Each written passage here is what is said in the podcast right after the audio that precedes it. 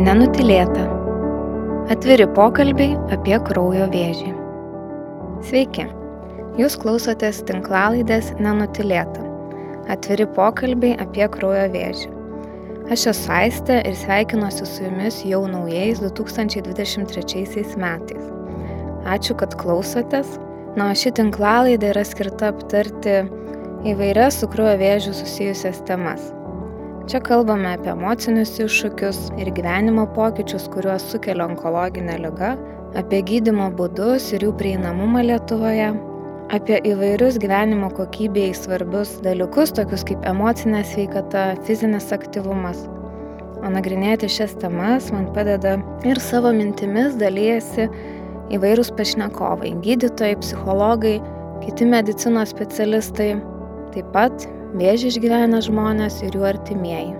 Tai devintasis tinklalaidės epizodas, skirtas mytybos sergant onkologinę lygą temai.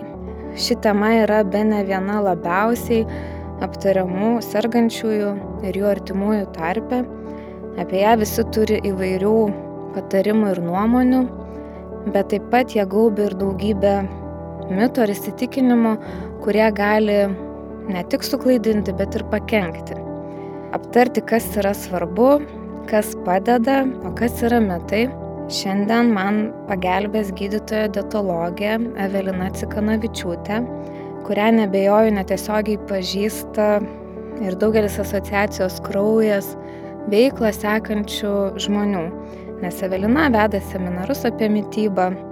Taip pat yra 2014 metais išleistos originalios lietuvių autorių kolektyvo parengtos mytybos knygos Ką valgyti susirgus vėžių bendraautorė. Taigi nieko nelaukiant ir sveikinuosi su Evelina. Labas. Labas. Labai džiaugiuosi tave matydama studijoje ir tuo, kad pasidalinsi savo žiniomis su mūsų klausytojais. Labai malonu. Tai paminėjau čia tuos 2014 metus, bet turbūt Anksčiau jau teko susidurti su konsultacijom apie mytybą būtent onkologinę lygą sergantiems žmonėms. A, šiek tiek anksčiau, taip, turbūt, neturbūt, o iš, iš ties tai nuo rezidentūros pačios pradžios, kada tik tai baigiau med, pagrindinės medicinos studijas ir įstojau rezidentūrą. Ir kol galiausiai atsidūriau, atsidūriau daugiau tarp onkologinių pacientų, ir supratau, kad, kad tų žinių informacijos labai trūksta, labai daug informacijos, kuri nėra pagrista, moksliškai pagrista, klaidinanti informacija. Tai atsirado, atsirado tikslas kuo daugiau šviesti tiek, tiek pacientus, tiek apskritai visuomenę, kad pirmiausia tiesiog nepakenkti savo. Bet man tai toks įspūdis susidaro, kad kiek, tiek turbūt anksčiau, tiek metam bėgant, tas poreikis jisai nemažėja. Išlieka mytybos klausimas vis dar toks pat aktualus, nors atrodo, kalbama pakankamai daug. Jeigu tu nori susirasti informacijos, jau tarsi gali. Bet kiek mes iš savo patirties per įvairias konferencijas visuomet yra klausimų apie mytybą, čia kaip taisyklė, per seminarus irgi taip pat ir, ir klausia žmonės, kada bus apie mytybą, leidinių nori, tai nežinau, kaip, tau atrodo tavo patirtyje. Aš tai galvoju, kad ir taip ir ne. Man atrodo, kad mytyba, maistas, taip kaip valgyti, tai apskaitai nu, daug e, šimtmečiais rūpima ir daug visokiausių tenais tikėjimų yra, pa, liaudės medicina tuo grista, kad pastebėta kažkokių sąsajų su sveikata ir taip toliau. Kita vertus, taip, turbūt aš irgi pastebiu, kad vis labiau rūpi, bet man atrodo, kad čia iš dalies ir yra mūsų pačių indėlis. Uh, vat, nu, per tuos bent jau aštuonerius metus, kad mes tikrai mm, įdėjom tam tikrą indėlį į švietimą, uh, į onkologinių pacientų švietimą, į visuomenę švietimą ir natūraliai jiem kyla tie klausimai, e, kaip visgi reikėtų maitintis, teisingai maitintis, kad savo nepakenktų ir kaip tik galbūt padėtų iš, iš, iš, išbūti patį gydimą ir pagelbėti rezultatų siekiant, kuo geresnių rezultatų. Tai manau, kad tai yra ir mūsų pačių indėlis, su kuo mes dabar susidurėm tai ir, ir labai tuo džiaugiuosi. Ir aš manau, kad apskritai tai yra indėlis. Um, Čia kalbant ne tik apie onkologinę mytybą, bet apskritai apie mytybą, kad pastaraisiais turbūt kokius, nu, vėl turbūt panaš, panašų metų skaičių, apie kokį nedaugiau nei dešimtmetį tikrai visuomeniai itin rūpi, kaip jie maitinasi. Kai kuriais atvejais tai perlenkiama lasda ir, ir, ir Ir nesu tikra, ar, ar visais atvejais tiek turi rūpėti, kaip mes maitinamės, kai tai tampa jau riba tarp sveikos mytybos ir tam tikros obsesijos, tai, tai gal ir čia prisideda prie to, kad žmonėm tiesiog kyla tie klausimai, jie teiraujasi tos informacijos ir iš esmės tai aš tom tikrai džiaugiuosi. Mhm. Tai gerai, tada pradėkime nuo, nuo tokios galbūt pradžios jau apie tą mitybą sergant onkologine liga, įsivaizduokim, kad žmogus tik ką sužinojo tą diagnozę. Ar yra kažkas, ką jam reikėtų žinoti, ar yra tokia bendra informacija, kažkokios kelios rekomendacijos, ar vis tik jinai, pavyzdžiui, skiriasi šiek tiek priklausomai, ar tai yra aktyvus gydimo laikotarpis, ar tarpas, sakykime, tarp chemoterapinio gydimo. Tai ar galima kažką bendrai pasakyti toj pradiniai stadijai, kažkokią žinutę, ar jau čia labiau reikia gilintis detaliau. Ir taip ir taip. Pirma žinutė absoliučiai visais atvejais. Tada, kada yra tiesiog diagnozuota lyga, kada yra pradedamas gydimas, vienoks ar kitoks gydimas, bet kokia lygos stadija, bet kokia gydimo stadija, tiesiog nepamesti galvos. Maistas yra viena iš sudėtinių dalių, mytyba yra viena iš sudėtinių dalių ir tai nėra pagrindinis, niekada nebuvo, nėra ir nebus pagrindinis onkologinių lygų gydimo būdas.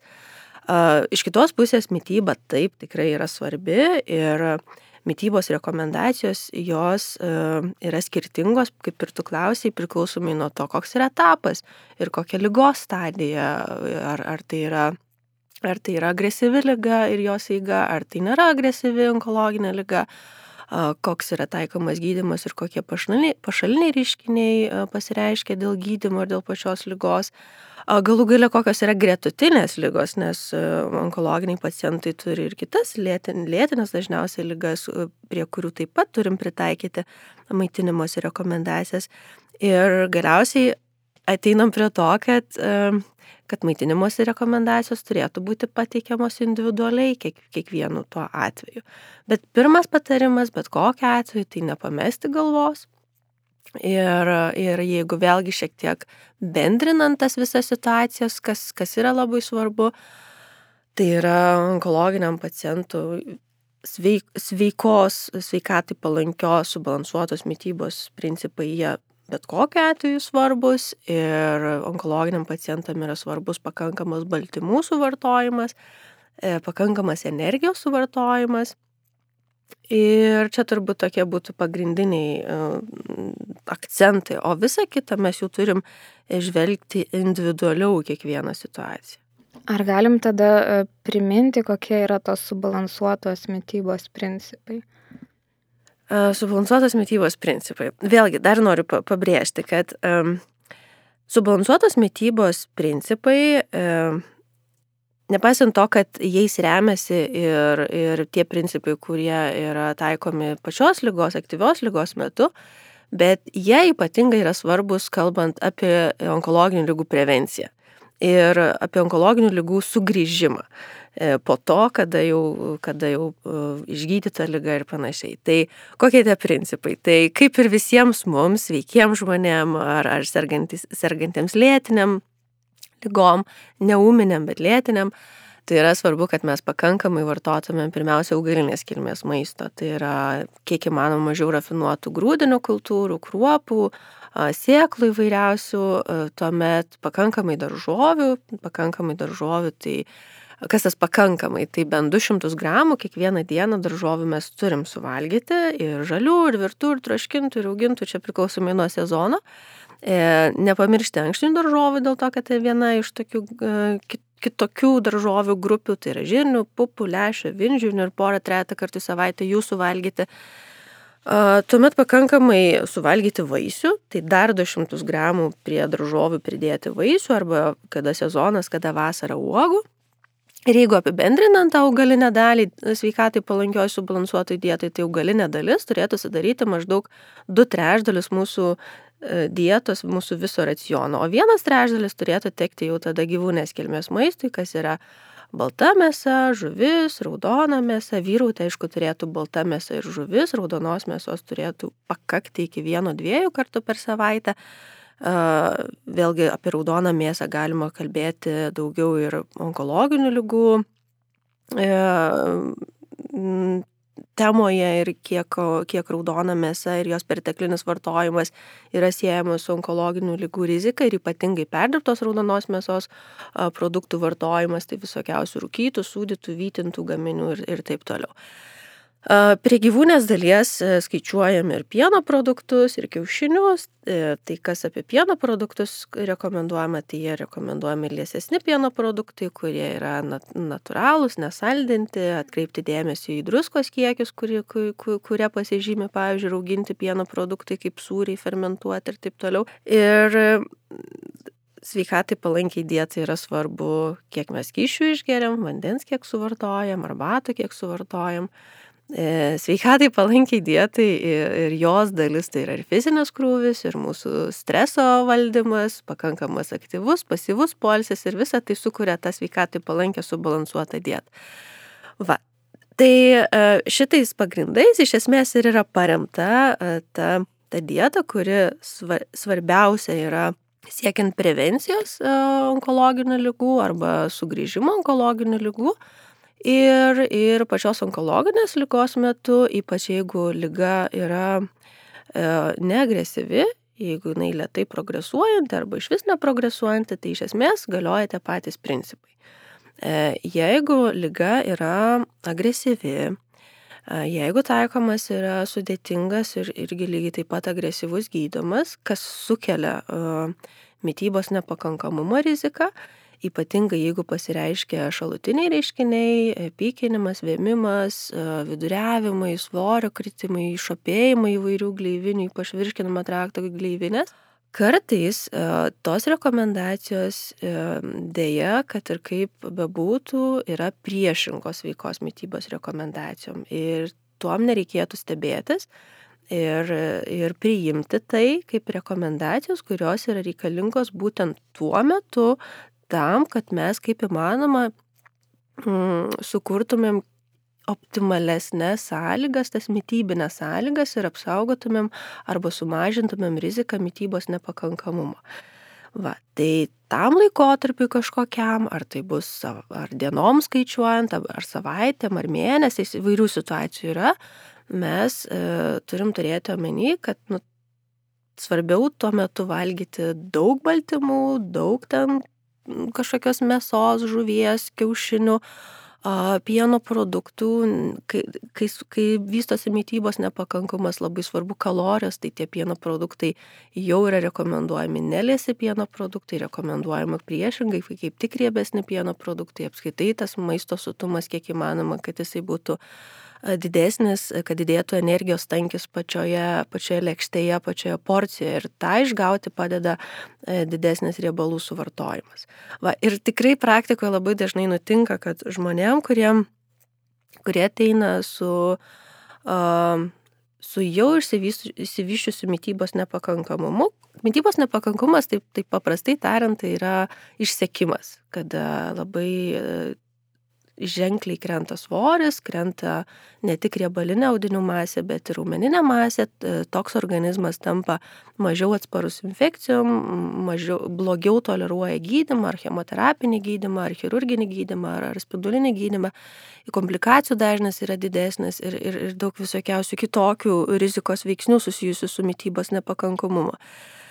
Tai paradoksas toks, kad e, žmonės e, skaito daug informacijos, kaip reikėtų gyvalgyti dėl onkologinių lygų, Bet daugiausiai vyrauja informacija, tai yra va ta, ką aš minėjau pačioje pradžioje, kad tos rekomendacijos, kurios yra daugiau skirtos prevencijai, kada valgyti daug daržovių, valgyti liesai, valgyti daug, daug ten visokių sėklų, visokius e, vaisius, uogas ir taip toliau, ribotai mėsą ten ir, ir panašius dalykus. Tai ir jie taip stengiasi valgyti. Ir tas ribojimas e, Negana to, kad ribojimas atsiranda dažnai ir dėl apetito pasikeitimų ar, ar pašalinių reiškinių, e, taip žmogus tik tai gilina savo mytybos nepakankamumą ir, ir nepaisant to, kad atrodo, kad jisai sveikai maitinasi, bet iš esmės tam momentui jisai, jisai maitinasi nesveikai. Nu, ir Tiesiog sveik... gal jam netinkamai, ar ne? Tuo momentu mhm. jam reikia iš esmės kartais priešingų rekomendacijų, kad kuo mažiau daržovių, kuo mažiau vaisių, kuo mažiau nerafinuotų grūdų ir priešingai tie grūdai turėtų būti rafinuoti, kaip, pavyzdžiui, viduriavimo metu, nes tai tiesiog pastiprins viduriavimą ir skyšių praradimą, elektrolitų praradimą ir, ir tą išsekimą tiesiog didins. Tai kartais tai reikia labai aiškiai su pacientais aptarti ir, ir priimti tą informaciją, neretai būna sudėtinga žmonėm, kaip dabar aš taip stengiausi valgyti sveikai ir man dabar rekomenduoja priešingai, nu, priešingos tos rekomendacijos, bet aišku, diskutuojam apie tai, kalbam, kad tai nėra visam gyvenimui ir kad mm. šiuo metu mes turim dėlioti prioritetus ir, ir šiuo metu prioritetas yra ne iš esmės tie sveikos mytybos principai, bet kaip išsaugoti mytybos būklę ir, ir kaip įmanoma nepastiprinti šalutinių reiškinių. O tada, kada viskas koreguosis ir, ir gerės situacija, tikrai bus rekomenduojama grįžti prie tos veikos mytybos principų ir tęsti tai, kas, kas iš esmės yra rekomenduojama. Mhm. Ir kaip ir tu minėjai, tie sveikos mytybos principai yra tinkami visiems, nes žinau, kad klauso tikrai ne tik, kurie turi onkologinę lygą, tai čia va, galima prisiminti irgi, ar ne? Taip, vienareikšmiškai. Tai ir yra principas. Taip, taip. Užsiminė ir apie šalutinius reiškinius, tai gal čia galim dar paplėtoti šiek tiek, ar yra dar, ką galima, žinau, kad čia turbūt ir atskirą laidą galima įrašyti, kalbant vien turbūt apie tos šalutinius reiškinius ir kaip tada maitintis, kaip padėti bet gal yra irgi kažką, ką galima išskirti, tokio daugiau universalaus, būtent kai žmogus galbūt patiria tuos dažniausius, sakykime, ir ką tu minėjai, viduriavimas, ar ne, ten, ar, ar sakykime, kaip tik vidurių užkėtėjimas, pykinimas, kuris turbūt lydi daugelį. Tai va šitais atvejais dar yra kažkokių patarimų, ką galim dabar pasakyti? Iš ties, iš, iš, tikrai galima įrašyti čia atskirą laidą apie tai, bet turbūt tokie universalūs patarimai yra tokie, kad visi pašaliniai reiškiniai daugiau mažiau yra e, e, rizikos veiksniai mytybos nepakankamumui, tai reiškia, kad e, apsiriboja energijos suvartojimas ir dėl to apsiriboja baltymų suvartojimas ir tai tiesiog didina riziką to išsekimo. Tai visais atvejais yra rekomenduojama valgyti dažnai po truputį. Ar tai būtų viduriavimas, ar tai būtų pykinimas, ar tai būtų vidurių užkėtėjimas, ar tiesiog apetito nebuvimas, ar jau pats mytybos nepakankamumas kaip, kaip diagnozė. Tai yra rekomenduojama valgyti dažnai, po truputį, tas gali būti kas dvi, kas trys valandos e, ir tikrai tikrai nerečiau negu kas, kas keturios valandos. Daugiau yra rekomenduojama vėlgi kreipti dėmesį į baltymus, į baltymingą maistą, kuris, kuris yra, kaip čia pasakyti, kai porcijos yra mažesnės, kai apetitas yra pasilpnėjęs, kada yra pykinimas, kada yra vėmimas, tai baltymingas maistas yra toks efektyvesnis savo maistinę vertę maistas. Jisai turi didesnį energijos tankį, nes dažniausiai baltymai atkeliauja kartu su didesniu ar mažesniu riebalų kiekiu. Ir, ir taip žmogus, kad ir su mažesnė porcija, nu, su mažesniu maisto kiekiu, jisai nu, turės galimybę daugiau gauti naudos iš to maisto. Va. E, ir, ir kas dabar, jeigu taip atskirai šiek tiek pa, padiferencijavus, tai e, turbūt labiausiai skirtusi rekomendacijos, kada yra viduriavimas ir viduriškėtėjimas, nes ten kai kas yra visiškai, visiškai priešingo. Tai jeigu yra viduriavimas, tai yra rekomenduojama e, vėlgi tas dažnas valgymas po truputį e, ir skaidulių medžiagų ribojimas. Tai reiškia tikrai griežtai riboti daržovės, vaisius, visokius kokteilius, vaisių sultis, e, sėklas tas mažai rafinuotas arba, arba nerafinuotas grūdinas kultūras, kruopas. Ir priešingai rinktis tai, kas yra daugiau, daugiau švelnų, daugiau apdorota. Tai, nu, kaip pavyzdys, mes galim rinktis um, kokius nors baltus ryžius ir galim rinktis juodus, rudus, raudonus, laukinius. Tai viduriavimo metu vienreišmiškai būtų rekomenduojami balti ryžiai, o kada yra vidurių užkėtėjimas, tai tada priešingai ten, kur daugiau lastelienos, tai tie visi skaidulingi ryžiai, kurie yra ne balti ryžiai. Mes galim rinktis perlinės kruopas ir mes galim rinktis kokius nors ten uh, greito paruošimo miežių dripsnius. Tai kada yra viduriavimas, yra rekomenduojama tie greito paruošimo kaip įmanoma labiau išvalyti dripsniai, o kada yra vidurių užkėtėjimas, tai ta kuo pilnesnė kruopa, kuo labiau skaidulinga kruopa. Kada yra viduriavimas, tai uh, gali praversti netgi tokie produktai kaip grikių dripsniai, netgi ryžių dripsniai yra, tai kada tikrai labai sunku valdyti viduriavimą, tai čia yra jau absoliučiai švelniausias, švelniausias grūdinas toksai, toksai produktas. Kada yra vidurių užkėtėjimas, tai papildomai yra rekomenduojama įvairios sėklos, linų semenų, čija sėklos, ten sėlenos įvairios, tai Tai tikrai tas tiktų, bet viduriavimo metu tikrai ne. Ir tikrai reikėtų palaukti, kol, kol tas viduriavimas susi, susikoreguos. Viduriavimo metu rekomenduojama ne tik atriboti daržovės ir vaisius, bet taip pat yra rekomenduojama jas lupti, kas lupasi, termiškai daugiau apdoroti, tai virti, traškinti ir daugiau rinktis tiek vaisius, tiek daržovės, kurios yra termiškai apdorotas. Vidurių užkėtėjimo metu priešingai kad daugiau žalios daržovės, daugiau žali vaisiai, kaip jeigu yra įmanoma nelupti nieko, kas, kas, ko galima nelupti ir kuo daugiau tos lastelienos, kuo daugiau tų netirpių maistinių skaidulų gauti. Ir viduriavimo metu dar tokie du elementai, kurie kartais pastiprina viduriavimą ir, ir irgi tą sėkmingai kartais eliminavus, eliminavus padeda, padedam suvaldyti tą viduriavimą. Tai yra laktozė Nes pieno produktai iš esmės jie yra rekomenduojami dėl to, kad yra geras baltymų šaltinis, kalcio šaltinis, rūgė pieno produktai yra bakterijų šaltinis, probiotikų šaltinis. Tai tokiais atvejais mes rekomenduojame rinktis pieno produktus be laktozės. Ir tas tikrai labai dažnai suveikia arba bent, arba bent jau pagerina tą viduriavimo visą situaciją. Arba galima dar papildomai vartoti e, fermentą, laktazę, kurį galima nusipirkti vaistinį tiesiog ir vartojant pieno produktą su laktoze, nes ne viską mes galim Lietuvoje nusipirkti be laktozės, pavyzdžiui, kefyro nėra be laktozės, greitinės jau liktais yra, bet e, jeigu neklystu, tik tai vienas, vienas tas e, variantas. E, tai va, tai galima tada tokiu atveju vartoti tą fermentą, kuris padės tą lakta, laktozę suskaidyti. Va. Kartai žmonės netoleruoja ir pieno produktų be laktozės ir tas viduriavimas netgi yra išreikštas ir tada, kada jie valgo pieno, produk, pieno produktus be laktozės, nes laktozės pėdsakai tose produktuose vis tiek yra. Tai va, tai šitą reikėtų stebėti. Ir dar vienas toks komponentas e, viduriavimo metu, kas irgi kartais sėkmingai padeda, mm, padeda šiek tiek sukoreguoti viduriavimą, tai yra glitimas. Ir tiesiog, nu, mes kai kurie turim tą tokį e, vadinamą ne, e, jautrumą, neatsilekinį jautrumą glitimui, daugiau ar mažiau išreikštą. Ir ypač tokiais um, kritiniais laikotarpiais, kada kažkokie ar, ar virusai mūsų užpuola, ar vat, kažkokios uh, lygos ir, ir gydimo procesas vyksta, kas paliečia virškinamai traktą, tai mes tampam labiau jautrus tam glitimui. Tai eliminavus uh, glitimą, kviečius, rugius ir miežius ir visus produktus, kurie yra iš, su, iš, iš, iš jų, tai tikrai irgi pavyksta kartais viduriavimą pakoreguoti. Uh, Va, tai irgi nėra visam laikui, tiesiog tai yra tam laikotarpiu. Jeigu žmogus visiškai nepastebi jokio ryšio tarp glitimo, tarp laktozės ir viduriavimo, tai tikrai nereikia specialiai apsiriboti, kad tas racionas dar taptų nepagristai ribotas.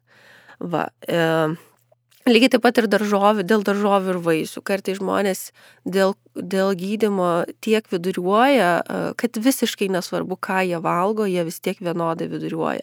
Ir sako, kad nu, aš taip noriu suvalgyti ten kokį mm, ža, žalią agurką, ypač šią vasaros metu, kada norisi tų žalių daržovių, ža, šviežių uogų ir taip toliau. Ir sako, nu, tos rekomendacijos yra tokios, kad nu, nerekomenduojama, reikia viską virti, traškinti ir taip toliau. Tai aš tokiais atvejais sakau, kad tikrai jūs valgykite žalę, žalę daržovę, žalę vaisių, jeigu tikrai jaučiat, kad nu, nėra skirtumo, ar jūs valgot tai ar nevalgot, ir tas viduriavimas vis tiek vienodai išreikštas. E, arba jeigu nedidelis skirtumas yra, tai man atrodo, kad vis tiek į tai mes žiū, turim žiūrėti labai racionaliai ir optimaliai ir, ir kartais paragavus kažko ar suvalgius kažko pagerėja nuotaika, pagerėja savijauta ir netgi ir tie simptomai gali palengvėti dėl to, kad nu, dalis simptomų jie yra stipresni tada, kada žmogus jaučia didesnį stresą, įtampą ir taip toliau. Tai va, tai, tai va čia tiek išsiplėšiau apie viduriavimą, bet viduriavimas, man atrodo, viena, vienas dažniausių be, be, bevarginančių pašalinių simptomų ir kartais tikrai labai sunkiai mhm. valdomas. Ir ką dar noriu šitoje vietoje pabrėžti, kad labai dažnai onkologiniai pacientai, nepaisant to, kad gydytojai onkologai rekomenduoja ir netgi surašo į rekomendacijas aiškiai, kaip tai reikia vartoti, tai yra vengia vartoti vaistų nuo viduriavimo. E, galvoja, kad ir, ir tą, tą transliuoja, kad geriau pakentėsiu, geriau aš kažkaip pabūsiu su to viduriavimu, negu kad vartosiu aš tos vaistus. Tai tikrai vartokit drąsiai pagal, pagal rekomendacijas, kaip yra rekomenduota gydytojų onkologų ar kitų gydytojų. E, dėl to, kad e, vėlgi gal galim ir pakentėti, viskas čia žmogus toks jau yra sutverimas, kad jis kantrus, bet, bet Viduriavimas tikrai blogina gyvenimo kokybę. Žmogus turi labai stipriai planuoti savo socialinį gyvenimą pagal tai, kaip, jisai, kaip jo žarnynas, žarnynas veikia. Tai ir vėl visa tai tiesiog blogina jo gyvenimo kokybę, didina stresą, blogina maisto, maisto pasirinkimą. Ir jeigu žmogui pavyksta e, su vaisto pagalba sukontroliuoti viduriavimą ir tada laisviau valgyti, tai prioritetas visais atvejais yra laisviau valgyti ir vartoti preparatą, kuris tuo metu padės su, suvaldyti viduriavimą. Manau labai gerai, kad, nu taip, dar pabrėžiai, nes tikrai dažnai žmonės patirdami tos šalutinius reiškinius, jie vengia, jeigu jiem yra siūlomi kažkokie vaistai, ten skirti, kad ir pykinimui palengvinti ar viduriavimui, jie vengia vartoti, nes sako, aš ir taip gaunu čia chemoterapiją ir toks yra irgi užsuktas ratas, kur atrodo, bet galėtų padėti. Tai tikrai vertinga dar apie tai pakalbėti. Ir dar gal galima plačiau šiek tiek aptarti tas situacijas, kuomet galbūt yra tas stiprus pykinimas ir kai tikrai nesinori valgyti. Ir galbūt tai nėra net pykinimas, bet tiesiog toks, atrodo, jėgų neturi, būna tokių momentų, kai ten nieko nesinori ir nors tos rekomendacijos ten, kad ir po truputį dažnai, bet tiesiog atrodo, tu net ten atneša kažką mėgstamiausio, bet tu nu, net negali pažiūrėti, ar ten motivacijos visiškai nėra, visokių tų dienų būna. Tai gal yra kažkokių gudrybių, ką tada galima daryti, vat, ir artimiesiam, ką galima patarti, kaip jiem elgtis, kaip padėti, kad bent tuos, nežinau, keli šaukštus turbūt suvalgytų? Um, tai vėl, pirmiausia, turbūt vėl pradėsiu nuo to, kad jeigu tikrai pykinimas yra išreikštas ir ypač jeigu yra vėmimas, neatsisakyti vaistų ir, ir, ir priimti tą šio laikinės medicinos e, siūloma kažkokią priemonę, kuri tikrai gali būti efektyvi. E, jeigu ne, neefektyvus yra e, gydimas e, arba dėl kažkokių kitų priežasčių tų vaistų neišeina vartoti, tai su pykinimu yra sudėtinga, tiesą pasakius. Nėra tokių kažkokių top 10 patarimų, kurie tikrai suveiks, dėl to, kad pykinimas, jeigu viduriavimas nėra tiek kompleksiškas reiškinys, tai pykinimas yra labiau kompleksiškas, kuris priklauso ne tik nuo e, organinių priežasčių, bet labai stipriai priklauso, vat, kaip turiu sakėjai, trūksta motivacijos, tai reiškia nuo psichologinių priežasčių, nuo vėlgi įtampos, streso ir, ir aplinkos pasikeitimų, kada vien, vienaip mes tą pykinimą galim jausti, kada mes esame namų aplinkoje, kitaip kai dalygonė ir, panašiai. Todėl kartais labai yra sudėtinga išdiferencijuoti, kokios kilmės tas pykinimas yra ir kartais, kada tas pykinimas yra labiau um, emocinės kilmės, um, jį vaistais irgi sunkiau yra numalšinti negu tą organės kilmės e, pykinimą ir, ir, ir vėmimą. Va, tai e, turbūt pykinimo metu, ir čia tiek ir, ir pacientam patarimas, ir artimiesiems, e, neužsispirti valgyti sveikai. Ir, vad kaip tu ir sakėjai, kad, nu, kad rinktis fantazuoti, ieškoti maisto tuo momentu tokio, kurio jums tuo metu labiausiai norisi, kad ir kokia tai kartais nesąmonė būtų. E, daug e, vertingiau tuo momentu yra valgyti kažką, negu apskritai nieko nevalgyti. Va. E, Ir, ir, ir kas iš tokių dalykų, nu, patarimų paprastai, ką mes duodam pykinimo malšinimui, tai daugiau rinktis vėsų maistą, kartais šaltą maistą, šaltą gėrimą, e, gazuotą gėrimą, ko kartais irgi žmonės vengia, baiminasi gerti, tai tikrai gazuoti gėrimai nėra blogai, gazuotas vanduo ar tiesiog net jeigu ir jums tuo momentu limonado noris ar Coca-Cola ar dar kažko, svarbiausia, kad tas pykinimas būtų kažkokiu būdu valdomas ir tai pagerintų jūsų apetitą ir apskritai galimybę suvalgyti ir, ir bendrą savijautą. Um, Yra tokių ir, ir duomenų, ir žmonės, kai kurie pastebi, kad e, imbiero papildai gali pamalšinti pykinimą, tai ar tiesiog imbierinis kažkoks gėrimas. Iš praktikos tikrai žinau ir, ir užsienio literatūroje skirtoj pacientam tas yra nurodoma, tai E, išgerti nealkoholinio alaus. E, kartumas, rūkštumas, surumas - paprastai tie skoniai, kurie linkia malšinti šiek tiek pykinimą. Tai kadangi nealkoholinis alus turi to kartumo, tai tikrai, tikrai ne vienam iš mano pacientų yra padėjo šitas patarimas. Iš tų gėrimų daugiau be gazuotų, tai dar pomidorų sultį žinau, kad irgi labai daug kam padeda dėl to, kad turi druskos, jeigu tar tos druskos šiek tiek daugiau įsidėjus. Irgi čia nepaisant to, kad e, visiškai ta druska, druskos vartojimas e, priešingas negu kad sveikos mytybos principam, bet šiuo atveju yra rekomenduojama tikrai nesibaiminti druskos vartojimo, nebent yra kažkokios atskiros rekomendacijos iš gydytojų, kada ten dėl sunkių inkstų būklių ar, ar širdies nepakankamumo, ar dar kažko tas, tas, e, ta druska turi būti ribojama, bet paprastai tai nu, tokios, tokios būklės ganėtinai retas. Um, ir kas dar? Um, ir turbūt, kad e, įvairūs kiti patarimai, kurie daugiau yra susijęs su mūsų fiziniu krūviu, su mūsų aplinkos keitimu, buvimu grinamorė.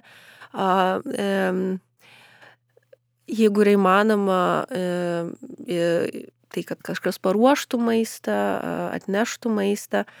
Mm, ir, ir tiesiog vengimas to, to proceso pačio dėl to, kad kartais nes net ir neturėdami jokių lygų, juk būna, e, kad pasisotinam vien tik gaminimo metu nuo kvapų, nuo, nuo visko. Tai, tai nu, jeigu yra įmanoma, kad ligoniai būtų nuo, to, nuo tos pareigos išvaduoti ir kad čia jau artimieji pasi, pa, pa, padėtų. Uh, tikrai galima ir užsakyti maistą ir iš kavinių, ir, ir, ir, ir iš restoranų, iš kur tik tai norisi. Svarbiausia, kad, kad būtų kažkoks noras. Ir dar patarimas toks artimiesiems, dažnai vėlgi iš praktikos, ką, ką atsimenu, tai artimieji klausia, ko, ar valgyt nori, ar ne. Ir labai dažnai pacientai sako, tiesiog nenori ir kad nieko man neneškit, aš nieko nevalgysiu. Tai turbūt klausimą labiau reikėtų formuluoti taip, kad ką pagaminti, O jeigu atsakymas vis tiek nieko, tai tada jau aiškiai dėlioti, ką tau pagaminti iš šitų ten trijų patiekalų. Tu, tu vis tiek turi kažką pasirinkti, nežinau, ar bulvinius blynus, ar ten, ar ten kokios lašišos kepsnelį, ar ten vištienos kažkokį troškinį, vis tiek turi žmogus padaryti pasirinkimą ir nepaisant to, kad galbūt atnešus to maisto e, ir nesuvalgys pacientas visiškai artimasis, tai nespausti jo, bet pateikimas maisto čia ir dabar vis tiek didina tikimybę, kad bent keli šaukštai paklius į, į, į skrandį, negu kad tuo atveju, kada apskaitai tas maistas ne, neatkeliauja. Ir tikrai uh, vengti kažkokio moralizavimo, jeigu žmogus tiesiog atsisako valgyti ir suprasti tą kaip, kaip lygos išraišką ir nu, tai tiesiog yra pašalinis reiškinys ir tai nėra tikrai neįvertinimas pastangų, kurias artimieji deda. Aš suprantu, kad tų pastangų kartais daug ir kartais kalbos tarp ligonių ir, ir jų artimųjų sukasi iš esmės tik apie maistą. Tai kartais aš e, siūlau, kai jau yra riba ta, kartais tokia konflikt, konflikt, tarp, konf, nu, konfliktai kyla dėl to, tai aš tikrai labai raginu atsiriboti nuo šitos temos, nes jinai tiesiog didina įtampą. Mhm, turbūt e, natūralu ir tai, kad artimie, artimųjų ta rūpešio išraiška tikrai labai dažnai ateina per maistą ir e, jie jaučiasi neįvertinti. Aš pati atsimenu iš, iš savo e, po transplantacijos laikotarpio, kai labai nebuvo apetito ir mama atvežė sriubos. Nu, ir aš nenoriu jos valgyti ir, nu, žodžiu, mes abi dvi verkiam. aš nenorėjau valgyti, jei ten matyti kažkokie kiti jausmai, nu, tai tuos penkis šaukštus kažkaip ten pavyko įveikti, bet uh, tikiu, kad tikrai būna tokių situacijų ir nereikia primti asmeniškai. Tiesiog, uh, kaip, kaip ir sakai, tai yra lygos išraiška. Ir dažnai iš tikrųjų tikrai ne visi, bet e, kadangi šiek tiek seku ir e, forumus socialiniuose tinkluose, kur bendrauja žmonės onkologinę patirtį turintis ar jų artimieji, labai dažnai susirgę ar, ar gydimo metu, ar net po jo, jie pradeda labai taip radikaliai keisti savo mytybą ir kuo tai gali būti pavojinga. Ir daro tai nepasitarę su, su jokiu ten ar gydytoju, tiesiog va, taip sugalvoja kažką paskaito ir tokių drastiškų priemonių. Ir netgi paskui patarinėja kitiem. Tai čia norėtųsi irgi pakalbėti, kuo tai gali pakengti. Visų pirma, aš labai džiaugiuosi, kad um, nepaisant to, kad tokie pavyzdžiai yra labai pastebimi, socialinėje erdvėje ar, ar kaž, kažkokioje kitoje aplinkoje, praktikoje visgi tokių atvejų yra pakankamai mažai. E, kad žmogus visiškai, visiškai kardinaliai aps, apverstų savo gyvenimą ar mytybą šiuo atveju, tai esu turėjus galbūt pavienius atvejus, bet tai yra tikrai pakankamai reti atvejai. Ir dėl to aš labai labai džiaugiuosi. Reiškia, kad mažėja tikimybė, procentas, kad, kad, kad žmonės kažką vien dėl to gali savo blogo kažkaip padaryti ir įtakoti išeitis lygos. O jeigu taip įvyksta, tai aišku, čia turbūt reikėtų nagrinėti, kas yra tas kardinalus pakeitimas ir, ir, ir ką, ką žmogus padarė. Kai, mat, kai kuriais atvejais kardinalus pakeitimas gali būti ir toks, kad jeigu žmogus ten maitinosi prieš lygą greito maisto restoranuose, gėrė daug ten saldžių gėrimų, limonadų ir, ir apskritai neturėjo jokios tvarkos savo mytyboje. Ir tada jis tiesiog pakeitė kardinaliai, bet į sveikos mytybos tą kelią subalansuotą, tai nepaisant to, kad tai atrodys kardinaliai, bet tai bus teisingas kelias. Čia jau geras pavyzdys. tai čia, čia turbūt geras pavyzdys ir, ir taip, tai būna. Ir čia, jeigu tai dera su jo tuometinė būklė, jeigu jeigu nėra mytybos nepakankamumo, tai viskas tvarkoja, tą tiesiog reikia palaiminti, stebėti ir, ir, ir tikėtis, kad, kad tai jau bus e, visam gyvenimui, kad tai įsigalės kaip sveikos mytybos principai. Bet aišku, čia dažniausiai tokiais atvejais sulaukus tokio klausimo, tai kla, kla, klausėjas um, turi omeny apie visokius badavimus, apie kažkokius atsivertimus į, į ten visiškai tokias dietas, labai asketiškas dietas ir taip toliau. Tai, uh, Bet koks kalorijų nepakankamas suvartojimas, nepakankamas baltymų suvartojimas ir apskaitai maistinių medžiagų suvartojimas didina ir labai didina mytybos nepakankamo riziką. Kaip ir įvairių dietų laikymasis onkologinių lygų metu, ten protarpinio badavimo, ketogenės dietos ar, daug, ar kažkokių kitokių ten tokių uh, ribotų, rezervuotų dietų, visą tai didina tiesiog riziką mytybos nepakankamumą, nepaisant to, kad iš esmės kiekvienas pacientas onkologinis jau savaime turi mytybos nepakankamumo riziką dėl, dėl, dėl procesų, dėl gydimo, kurie, kurie susiję su pačia lyga.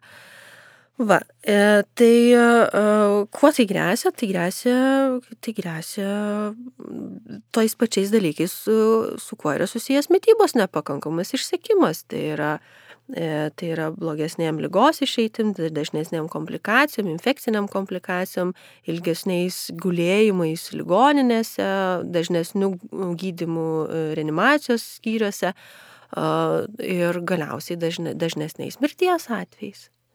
Mhm.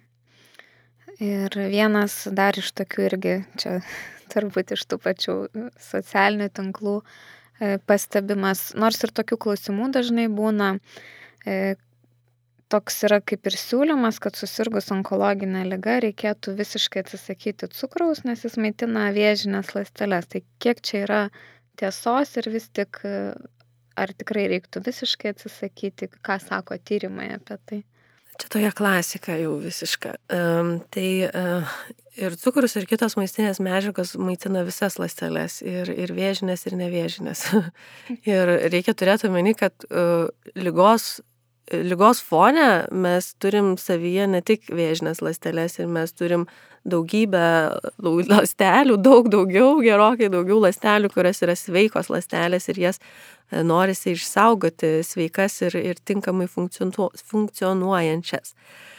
Tai e, nepaisant to, kad tikrai tyrimai vyksta ir daug, daug metų vyksta apie cukraus kaip maistinės medžiagos ir tokios sel, sel, selektyvios tokios medžiagos e, e, ryšio tyrimai su, su vėžiniais procesais, tai šiai dienai, šiai dienai tas ryšys, tiesioginis ryšys tarp cukraus vartojimo ir onkologinių lygų e, rizikos ar jo labiau pačios eigos lygos nėra įrodytas.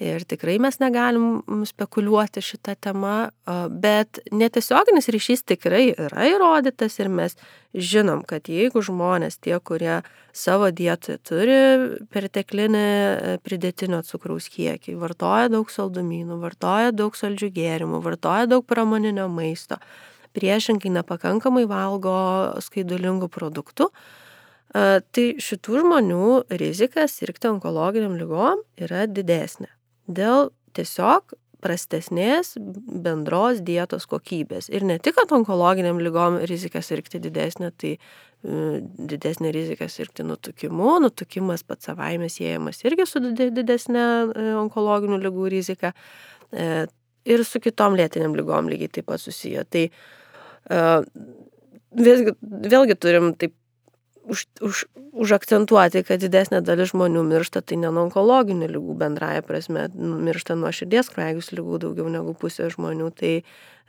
kad mums turi rūpėti cukraus vartojimas ir apstai sveikatai palanki dieta, tai tikrai privalo rūpėti. E, lygiai kaip dėl onkologinių lygų prevencijos, tai da, dar labiau dėl, dėl kitų lėtinių lygų prevencijos. Mhm. Tai saikas irgi čia turėtų būti visame kame turbūt, ar ne, draugas.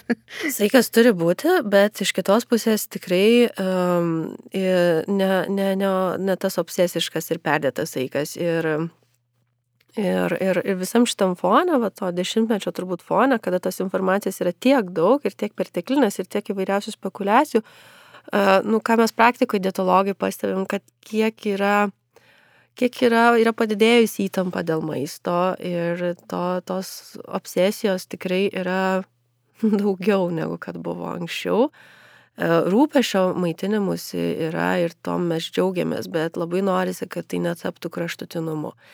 Ir e, nepaisant to, kad tikrai mes žinom, kad kažkoks maistas yra sveikatai nepalankus arba mažiau palankus, Bet iš esmės tai jis nėra draudžiamas maistas, jis nėra kažkoks nuodas, kurį mes valgysim ir pakliūsim į, į ligonę kaip kokią ten žalę musmirę ar, ar, ar, ar kitą kažkokį nuodingą grybą.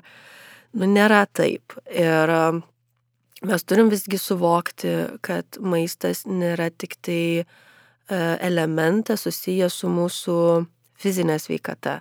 Jisai yra labai glaužiai susijęs su mūsų uh, socialinė sveikata, su mūsų psichologinė sveikata, su mūsų kultūra, istorija, su daug dalykų, su, su kur, kur, kur dalyvauja maistas. Nu, iš esmės visurgi dalyvauja maistas. Mes atostogaujam su maistu, mes keliaujam su maistu, mes švenčiam su maistu. Visur maistas dalyvauja. Ir, ir nepaisant to, kad yra tų maisto produktų, maisto, kuris nėra sveikatai palankus, mes jo išbraukti iš gyvenimo negalim. E, ir, ir, ir neturim jo saudrausti, tiesiog tas maistas turi būti kažkoks epizodiškas. Tai yra prisitaikant prie tų aplinkybių, jisai kažkoks ar proginis, ar šventinis, ar epizodiškas, ar kai kas atsitiktinai pasitaiko dėl to, kad ne visais atvejais mes galime apskritai kontroliuoti, ką mes valgom, jeigu mes pakliūnam į kažkokią aplinką, kuri jau mums patiekia tą maistą. Tai, tai, tai irgi turim žiūrėti išmintingai, racionaliai ir kad jeigu kartą suvalgysim per mėnesį čipsų, E, tai tikrai mes nuo to dabar nesusirksim onkologinę lygą ar kažkokią kitą lygą mm, ir panašiai. Aš irgi pastebiu e, ir tikrai ne, ne tik tarp turinčių kažkokių sveikatos problemų, bet e, tokios įtampos dėl to maisto ir labai dažnai išgirstu ten, sakykime, kažką suvalgo ir sako, nu čia tai blogas tas maistas, bet labai norėjo, arba ten, nu, nežinau, suvalgo torto gabaliuką ir sako, nu dabar dvi savaitės nieko nevalgysiu. Ir atrodo, tai juoko forma pateikiama, bet uh, iš kitos pusės suprantu, kad tikrai tas informacijos tokia gausa, jinai kažkur pasėja tą savo sėklą ir kad žmonės nesimėgoja, nu, kad ir suvalgytą vieną gabalėlį ten kartais, Tai aš ir norėjau dar klausti iš tikrųjų apie tą skirstimą į blogą ir gerą maistą, ar tikrai čia taip yra, nors man atrodo, tu tarsi ir atsakėjai e, kalbėdama, nebent dar kažką norėtųsi pridurti. Tai turbūt to, tas labia, tas žinutė ir svarbiausia yra, e, kalbant apie santykį, sveiką santykį su maistu, e, kad nėra nei gero, nei blogo maisto, nei sveiko, nei nesveiko. Ir aišku, čia šita, šitas toks padarinys yra ne iš blogų intencijų iš esmės, tai yra, tai yra mm, pasiekmė to, kad e, visuomenė tikrai Lietuvoje ir apskaitai vakarų, vakarų pasaulyje dar seniau, jinai labai intensyviai buvo šviečiama apie tą maistą, kuris yra sveikatai palankus ir, ir, ir, ir nepalankus ir tikrai yra ryšio, moksliškai pagristo ryšio, patvirtinto ryšio, kad kažkas mum yra nesveika. Tai tos intencijos tikrai e, buvo ir yra geros, tiesiog man atrodo, kad dabar yra tas momentas, kada mes jau turim kažkaip uh, truputį staptelti, nes uh, atsiranda, mes atsiduriam kitam kraštutinume, kur maistas vertinamas labai techniškai, uh, Ir kaip mano kai kurie pacientai būna, kai aš jų klausiu, ką jūs valgot pusryčiam, tai jie sako, aš valgau pusryčiam angliavandenius, ten pietum baltymus, vakare ten derinu ir baltymus ir angliavandenius. Tai aš tokiais atvejais nu, visada stabdau juos ir aš, aš sakau, kad nu, mes turim kalbėti apie maistą, o ne apie, ne apie chemiją, ne apie biologiją, ne apie maistinės medžiagas kaip, kaip medžiagas. Ir tai irgi jau signalizuoja mum, apie tai, kaip tas žmogus suvokia maistą kaip maistą, jis jį suvokia per sveikatos prizmę, per, per, e, per, per kažkokią įtaką e, procesam, kurie vyksta mūsų kūne. E, ir tai nėra mm, sveikas santykis su maistu. Tai va, tai man atrodo, čia yra tas momentas, kada mes, būdami labai sąmoningi ir vėlgi ne, kryptingai domėdamėsi mm, informacija ir, ir, ir žiniomis. Ir dabar skaitydami ne tik tas, tą informaciją, kuri patvirtina kažkokį ryšį tarp maisto su fizinė sveikata, bet dabar iš kitos pusės turim, turim domėtis, kaip, koks yra ryšys su mūsų psichologinė sveikata ir su mūsų tuo tokiu psichologiniu, socialiniu santykiu su maistu. Tai ir atrasim tokį kažkokį aukso vidurį, kur, kur man atrodo bus taip, kaip turi būti. Mhm. O kokių dar įdomybių, mitų ar įsitikinimų teko girdėti, kurie galbūt net ir tave kartais nustebino? A, dažnai, nežinau, žinok, aš tai kartais vis būna žadu užsirašinėti ten, ką nors, ką išgirstu naujo ir kažkokį klausimą naują, bet vis to nepradedu. E, bet kad kažkas labai labai naujo ir kad kažkas labai labai būtų tokio išskirtinio, tikrai tikrai labai retai išgirstu. Ir dažniausiai mitai tai yra tikrai apie cukrų, apie riebalus, e, tik nebūtinai mitai, tiesiog klausimai apie tai, apie cukrų, apie riebalus, apie, apie kažkokius konkrečius maisto produktus, ten, kai, ar jie tikrai sveiki, sveiki, ten žuvis, mėsa, paukštiena ir taip toliau, kaip jinai ten užauginta ir, ir taip toliau. Tai tokie atsikartojantis iš esmės tie klausimai ir tai yra nu, išdava to, kokia informacija yra tuo metu transliuojama. Ir kartais mes labai juntam kažkokį su, suintensyvėjimą kažkokio vieno klausimo, kurį ten kiekvieną savaitę būna iš kelių žmonių išgirstam. Tai reiškia, kad tikrai kažkur išgirdo, kažkokį straipsnį perskaitė tokį, kurį, kuris palėtė daugą. Tai tokių labai keistų dalykų, nežinau, retai turbūt, kad, kad išgirstu. Kartais aš labai mėgstu išgirsti kažkokį klausimą, tokį kitonišką ir neturėti atsakymą, tai tada tai, tai tas tiesiog verčia atsiversti literatūrą ir, ir paieškoti, kodėl, kodėl apskaitai tokia versija gal, gal, gali būti, kodėl to klausimas kilo ir paieškoti kryptingai informacijos. Mhm. Ir pradžioje kalbėjai tikrai nemažai, man atrodo, buvo apie mytybos nepakankamumą ir, ir kodėl tai yra e, negerai. E, dar gal norėtųsi prieš to paklausti, kokie tie yra galbūt ženklai ar simptomai, kai jau žmogui reikėtų susirūpinti, kad tikrai kažkas su jo mytyba, na panašu, kad, kad yra nelabai gerai ir kada reikia kreiptis į gydytoją dietologą. Aš manau, kad į gydytoją dietologą kreiptis ypač onkologinių lygų atveju, tai iš esmės visais atvejais verta kreiptis į gydytoją dietologą. Ir jeigu aš, jeigu tai būtų mano visiškai valia ir mano pasaulis, tai aš manau, kad kiekvienas e, onkologinis pacientas, tokiu by default, turėtų gauti gydytojo dietologo konsultaciją lygos pačioj pradžioj. Nesvarbu, kaip jam einasi, bet tiesiog įsiaiškinti, kas tuo metu svarbiausia yra.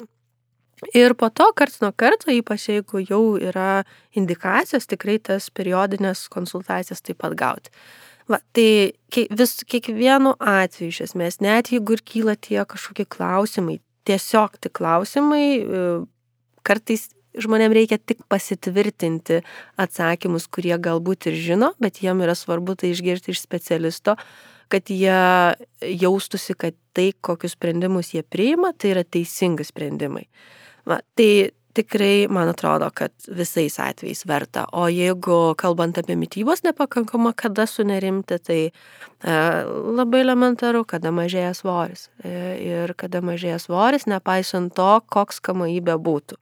Ar kamai būtų sveikas kamai, ar jisai būtų ant svorio nutukimo ribose, jeigu savaime pradeda mažėti svoris be jokių intervencijų, e, tada reikia sunerimti. E, jeigu pastebi, kad kažkokio maisto, kurį anksčiau mėgo, staiga nebenori. E, jeigu apskritai e, apetitas pablogėja ir nėra tam aiškių priežasčių, kodėl. Tai nu, tas yra svarbu, tai yra tie pagrindiniai požymiai, kada reikėtų jau sunerimti, kas, kas čia vyksta. Ir gal tada tokios šiek tiek praktinės informacijos, nes dažnai ir mes sulaukiam tų klausimų ir kartais žmonėms atrodo, kad yra labai sunku gauti gydytojo dietologo konsultaciją. Tai kaip tą padaryti tada? Ar čia gali visi tiesiog, jeigu yra e, poreikis klausimai kreiptis, ar čia kažkoks yra tas sudėtingas kelias, nes aš turiu tokį vat, susidarius įspūdį, kad kai pasiūlai pasikonsultuokit su gydytoju dietologu, ne čia, ne, ne su asociacija kraujas, ne, ne su kitu pacientu, nesulaukiam tokių prašymų e, sergančių tą pačią ligą tai taip tarsi atrodo nusvyra rankos tam žmogui, kad ne, čia, čia neįmanoma, kaip, kaip man tą konsultaciją gauti. Tai e, techniškai tai tikrai yra paprastas kelias, tiesiog e, e, šeimos gydytojo siuntimas reikalingas, arba gydytojo onkologo siuntimas, arba bet kokio kito gydytojo siuntimas gydytojo dietologo konsultacijai. E, ten, kur yra prieinama gydytojo dietologo paslauga, kaip konsultanto poliklinikoje, nesvarbu iš kokios poliklinikos žmogus atkeliautų, kiekvienu atveju gali gauti tą konsultaciją. Tai jeigu, tarkim, paciento poliklinika gydyto dietologo paslaugos neteikia, kur tokių poliklinikų ypač mažesnių, tai tikrai yra daug, bet Vilniuje, kaip pavyzdys, tai didžiosios poliklinikos, na, aišku, gal patikslinti reikėtų šitą informaciją, nes vis keičiasi ta situacija, bet iš esmės absoliučiai didžioji dauguma e, Vilniaus didžiųjų poliklinikų turi gydytojo dietologo paslaugas ir, ir ten galima registruotis konsultacijoms. E, didžiausia bėda yra su, su eilėm, e, su to, kad reikia laukti konsultacijos ir kaip ir kitų specialistų konsultacijų, nu, teks palaukti, gali tekti e, mėnesį laukti, gali tekti porą mėnesių, visokių situacijų yra ir priklauso ir nuo įstaigos, ir nuo specialisto. Tai man atrodo, kad, mm, man atrodo, kad tiesiog kaip bebūtų, vis tiek vyksta gydimas ir bet kokiu atveju, nu, užsiregistruoti tai konsultacijai. Jeigu, jeigu yra sudėtinga situacija, nesibaiminti paskambinti. Bent jau mano kontaktai yra prieinami internete, kabineto ir tikrai yra pacientų, kurie tiesiogiai paskambina į kabinetą, papasako apie situaciją ir tada mes tada žiūrim, ka, kaip mes čia sprendžiam tą, tą problemą e, ir, ir, ir taip toliau. Tai tiesiog daryti, ne, labai norisi, kad nenusvirtų taip rankos vien dėl to, kad gal ten ilgesnė eilė. Tikrai ta eilė ateis ir tikrai, e, tikrai mes pasikalbėsime apie tą mytybą. Ir dar kas yra svarbu po to, bent jau mano praktikoje, užmėgsti tą pirmą sant, tas, tą kontaktą ir, ir turėti tą santykį, dėl to, kad dauguma pacientų, jeigu tai yra aktyvus gydimas, iš esmės, jeigu aktyvus gydimas, tai visus pacientus aš po to uh, noriu matyti po kurio laiko, tai yra mano konsultacijos iš esmės aktyvaus gydimo metu yra kartotinės konsultacijos. Aišku, priklauso nuo situacijos, gali reikėti po kelių savaičių, gali reikėti po mėnesio, po dviejų mėnesių, labai priklauso nuo, nuo to, kokia yra paciento uh, lygos eiga ir, ir būklė. Bet uh, tokiais atvejais per tas pakartotinės konsultacijas mes vėlgi naujus klausimus kažkokius įsiaiškinam arba kažkokie atsiranda nauji simptomai, kurių nebuvo pirmos konsultacijos metu, bet jie atsirado e, vėliau ir mes tada prisitaikom tas rekomendacijas taip, kaip reikia tuo momentu. Aš pabaigoje mėgstu užduoti tokį klausimą, tai čia galima ir iš profesinės e, pusės, galima ir turbūt plačiau e, pagalvoti, tai ko tau norėtųsi palinkėti žmogui, kuriam diagnozuota onkologinė lyga. Tai at, pasikartosiu visiškai nieko, nieko kitoniško, negu jau turbūt du kartus ar keli ar daugiau sakiau per šitą mūsų pokalbį.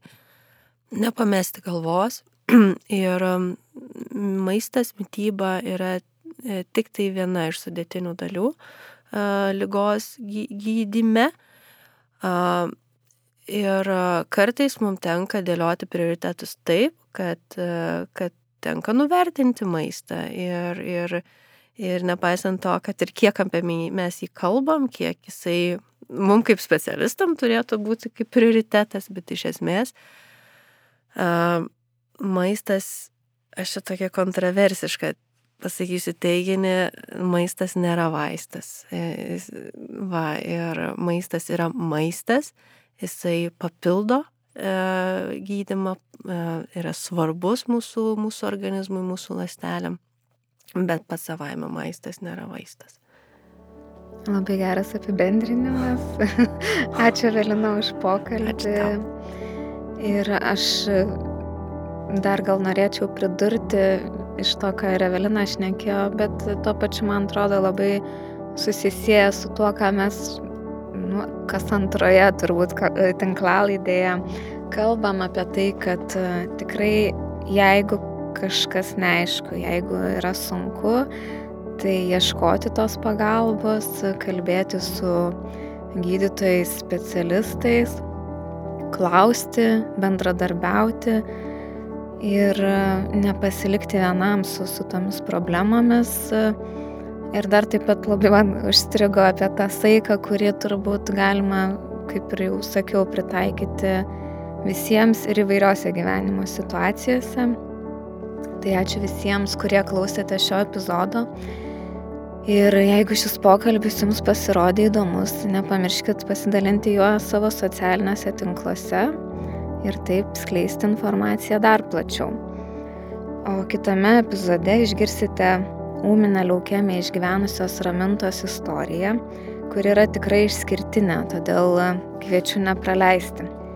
Tinklalaidę nenutilėtai gyvendina asociacija Kraujas, vienijanti kraujo lygomis sergančius ar sirgusius žmonės, jų artimuosius, medicinos specialistus ir kitus, kurie palaiko asociacijos veiklą. Šioje tinklalaidėje su įvairiais pašnekovais, nuo gydytojų, psichologų iki kraujo vėžių sergančių žmonių bei jų artimųjų, atvirai kalbamės apie šią onkologinę ligą ir su ją susijusius iššūkius. Daugiau informacijos tiek apie asociacijos kraujas veiklą, tiek apie tinklalaidę ir visus jos epizodus visuomet galite rasti interneto puslapyje www.krujas.lt arba Facebook paskyroje krujas.lt. Iki kito karto.